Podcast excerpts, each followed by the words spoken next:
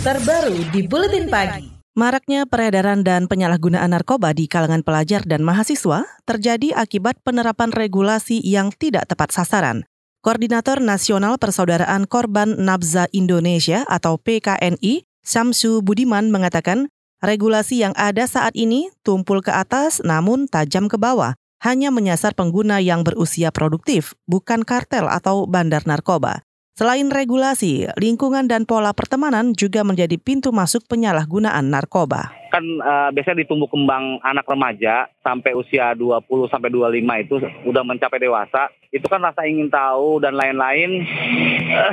Terus lingkungan yang paling ini, walaupun kita di dibentengi oleh apa namanya akhlak yang baik, gitu dari agama itu tetap kalau lingkungannya berpengaruh uh, sangat berpengaruh itu lebih memudahkan untuk menarik kita menjadi seorang pengguna narkotika. Itu tadi Koordinator Nasional Persaudaraan Korban Nabza Indonesia atau PKNI Samsu Budiman. Sebelumnya hasil survei Badan Narkotika Nasional BNN dan Lembaga Ilmu Pengetahuan Indonesia LIPI tahun 2018 menyebut terjadi kenaikan jumlah pelajar dan mahasiswa yang menjadi korban penyalahgunaan narkoba, yakni lebih 2,3 juta orang.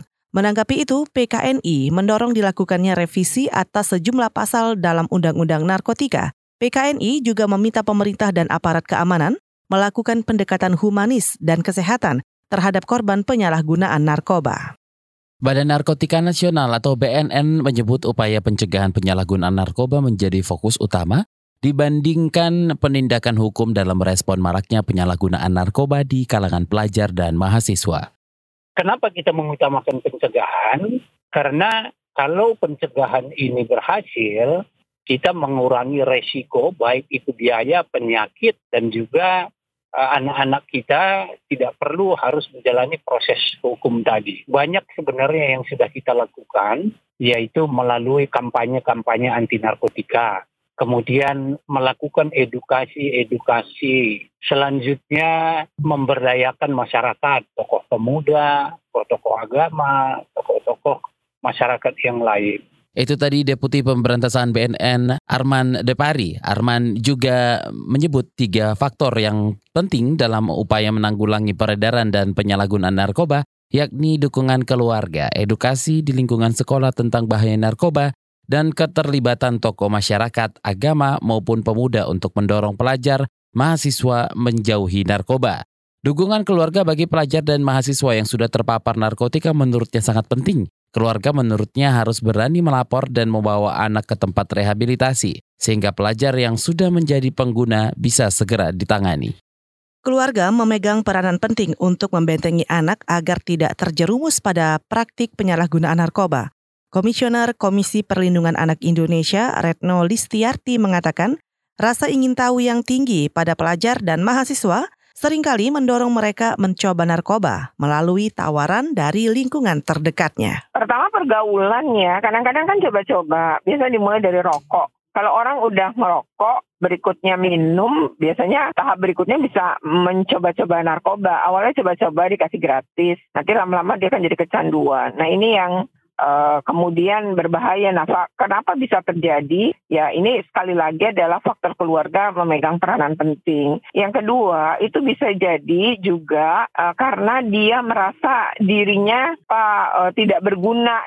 Komisioner KPAI Retno Listiarti menambahkan orang tua berperan dalam memantau tumbuh kembang serta lingkungan anak. Selain itu, masyarakat juga diminta peka untuk melaporkan dan menindak jika melihat pergaulan yang mencurigakan pada anak-anak mereka.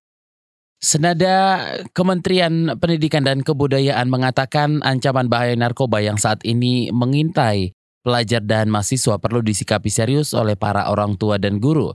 Staf ahli Kemendikbud Katarina Mulyana Girsang mengatakan narkoba masih menjadi ancaman terbesar bagi pelajar sehingga orang tua dan guru harus aktif dalam mengawasi dan membimbing. Selain itu, pencegahan juga dilakukan lewat pendidikan karakter dan sosialisasi terus-menerus soal bahaya narkoba. Perhatikan pertama tadi penguatan pendidikan karakter di sekolah. Anak-anak harus diberitahu bahaya-bahaya narkoba. Yang kedua, oh, jadi harus ada sosialisasi-sosialisasi pencegahan, dampaknya seperti apa. Anak-anak tuh kalau perlu dilakukan sosialisasi, bahkan mengunjungi rumah-rumah rehabilitasi gitu ya, untuk melihat bagaimana sebenarnya bahaya narkoba Yang ketiga, kadang-kadang anak-anak juga diberitahu bahwa mereka harus hati-hati karena kadang-kadang teman-temannya yang mencekokit. Yang keempat, harus dijauhkan dari rokok. Staf ahli Kemendikbud Katarina Mulyana Girsang menambahkan kegiatan pelajar yang padat di sekolah dinilai efektif dalam menekan angka pelajar terpapar narkoba. Kemendikbud juga meminta agar guru peduli terhadap anak didik di sekolah, terutama yang memiliki perilaku tidak wajar, dan terus mengkoordinasikan perilaku anak didik tersebut kepada orang tua mereka.